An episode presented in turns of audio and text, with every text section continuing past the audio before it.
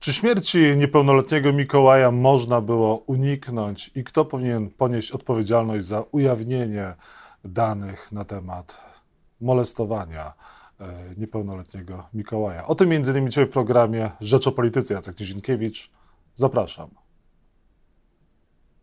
Tomasz Torlikowski, publicysta jest Państwa i moim gościem. Dzień dobry. Dzień dobry, witam.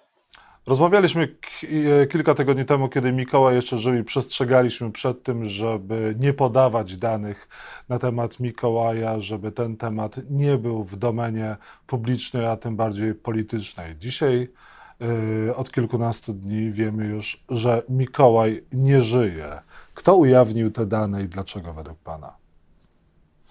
No, kto je ujawnił, to wiemy, to znaczy jako pierwsza zrobiła to, zrobiło to Radio Szczecin, konkretnie jego naczelny Tomasz Duklanowski, później dołączyła się do tej nagonki TVP Info, a za nią niestety również inne media, uczciwie trzeba powiedzieć, które mm, albo powtarzały to, co zostało powiedziane, albo uzupełniały nawet jakoś z lekka, czasem w dobrej wierze. No i niestety setki tysięcy, a być może nawet więcej internautów także takich z nazwiskami radnych, polityków i tak dalej, a także bezimiennych, nikomu nieznanych, być może troli, a być może autentycznych ludzi, którzy e, napędzili gigantyczną e, nagonkę. E, tu odpowiedzialność bezpośrednia jest dość łatwa do wskazania, ale odpowiedzialność pośrednia jest bardzo mocno rozproszona, bo tych ludzi, którzy to robili, mm, którzy wysyłali także do Mikołaja E, screeny, pytania, złośliwości, są dziesiątki tysięcy. Natomiast oczywiście bezpośrednią odpowiedzialność ponoszą ci, którzy ujawnili tę sprawę po raz pierwszy w taki sposób, która umożliwiała e, ustalenie, kto jest osobą skrzywdzoną e, i ci, którzy, no bo tego też nie możemy wykluczyć mimo no, takich dość dziwacznych tłumaczeń radia, ci, którzy puścili przeciek albo z prokuratury, E, albo z sądu, bo przecież przypomnijmy, ten e, proces był tajny właśnie dlatego, że chodziło o dobro dziecka. No sąd mówi, że tych danych nie przekazywał. Zresztą e, dzień przed ujawnieniem tych informacji dziennikarz Radia Szczecin, e, czy też pracownik Radia Szczecin wystąpił o te dane, e, no ale pan Duklanowski broni się i to oskarża pana. No nie, on oskarża dokładnie mnie o to, że to ja jego wskazałem. To znaczy, tak jak się wczytać w ten tekst, on jest bardzo tak dziwacznie sformułowany, jak na radiowca i dziennikarza, to w taki sposób wyjątkowo nieprecyzyjny, ale tam jest pytanie o to, kto wskazał, że on jest winny i tu pada moje nazwisko. Jeśli miałbym być wierny logice Duklanowskiego, to bym powiedział, zaraz, zaraz, w pierwszym wpisie na jego temat nie występuje ani nazwa e, Radio Szczecin, ani Tomasz Duklanowski. Internauci sami się domyślili, o kogo chodzi.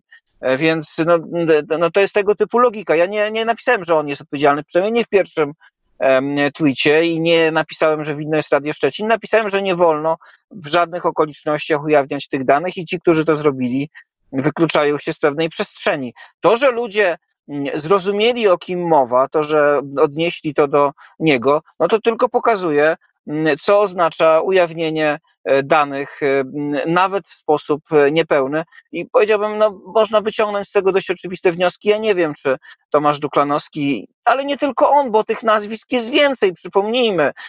To jest Michał Rachoń z TVP Info, to, są, to jest szef portalu portalu TVP Info, czyli pan Pereira.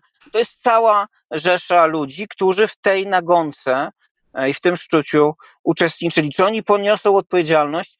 To nie jest takie proste. Nie wiem, chciałbym powiedzieć, że poniosą przynajmniej zawodową, e, ale na razie, jak widać, e, system jest szczelny i bardzo szczelnie ich chroni. No jest też Dawid. powiedziałbym, przechodzi do dalszej części ataku, bo pan zadał na początku pytanie, czy tej śmierci można było uniknąć. Jak patrzę się na to, co się dzieje, jak patrzę na szczucie teraz na mamę Mikołaja, także to, które się dzieje przez ustami polityków Prawa i Sprawiedliwości, a także przez rozmaite, znowuż bezimienne e, e, konta, to zadaję sobie pytanie, czy ci ludzie mają świadomość, w jakim stanie może znajdować się mama chłopca, który po dramatycznych wydarzeniach popełnia samobójstwo, czy mają świadomość, w jak dramatycznym stanie znajduje się taka osoba i czy mają świadomość, że dokładanie jej cierpienia przez szczucie, oskarżanie jej o tą śmierć może prowadzić do dalszych dramatycznych wydarzeń. Ja naprawdę nie rozumiem, jak można być tak kompletnie pozbawionym uczuć,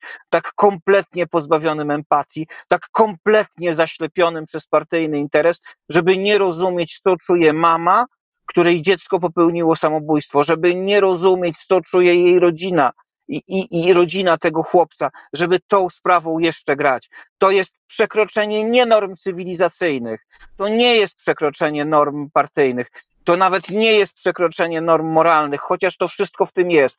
To jest przekroczenie normy takiej zupełnie bazowej, fundamentalnej empatii, tego, co się nazywa po prostu człowieczeństwem. Polityk, który atakuje matkę w tej sytuacji.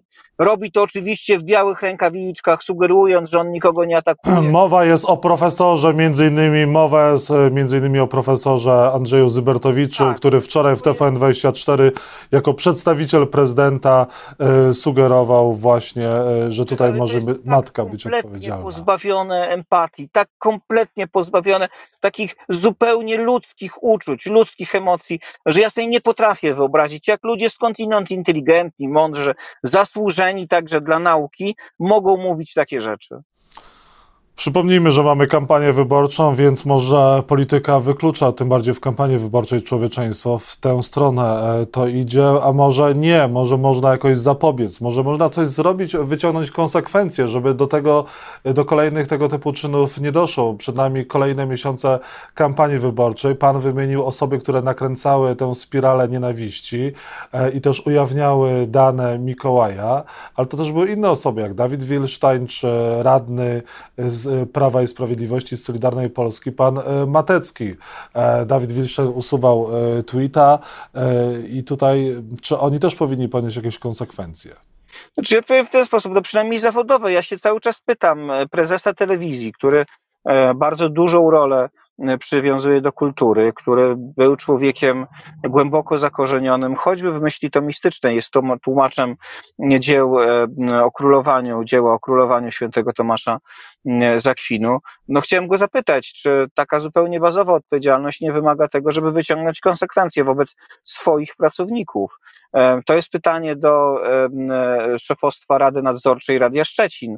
Czy zupełnie bazowa odpowiedzialność za to, co się wydarzyło, nie wymaga nie tylko wydania oświadczenia, ale również odwołania ze stanowiska prezesa e, czy szefa Radia Szczecin e, Tomasza Duklanowskiego. To jest pytanie e, do polityków Prawa i Sprawiedliwości, czy no, zupełnie bazowa odpowiedzialność za to, co się wydarzyło, nie wymaga tego, żeby odciąć się od kolegów, którzy w tej nagonce uczestniczyli, bo powiedzmy nie wszyscy politycy Prawa i Sprawiedliwości w niej uczestniczyli. Byli tacy, którzy zamilkli. Można powiedzieć, że wystarczy, żeby zło triumfowało, wystarczy, że dobrzy ludzie milczą, no ale przynajmniej nie uczestniczyli w nagonce. No to czy oni przynajmniej nie powinni się w jakiś zupełnie bazowy sposób odciąć? No to jest tego typu sytuacja, która wymaga reakcji. Milczenie, udawanie, że nic się nie stało, że nikt nie ponosi odpowiedzialności, nic nie zmieni. Natomiast w to, że prokuratura w tej sprawie pod tym kierownictwem e, wyciągnie wnioski z tego, co się wydarzyło. Niestety e, na tym etapie nie wierzę. Bardzo chciałbym się mylić, bardzo bym chciał, żeby pan minister sprawiedliwości w tej sprawie zabrał głos, żeby objął szczególnym nadzorem śledztwo prokuratury, ale nie po to, żeby je w jakikolwiek sposób wyciszać, tylko właśnie, żeby dopilnować, żeby osoby odpowiedzialne za szczucie poniosły odpowiedzialność. Przecież nawet znamy te konta, niektóre z nich są prawdopodobnie kontami fałszywymi.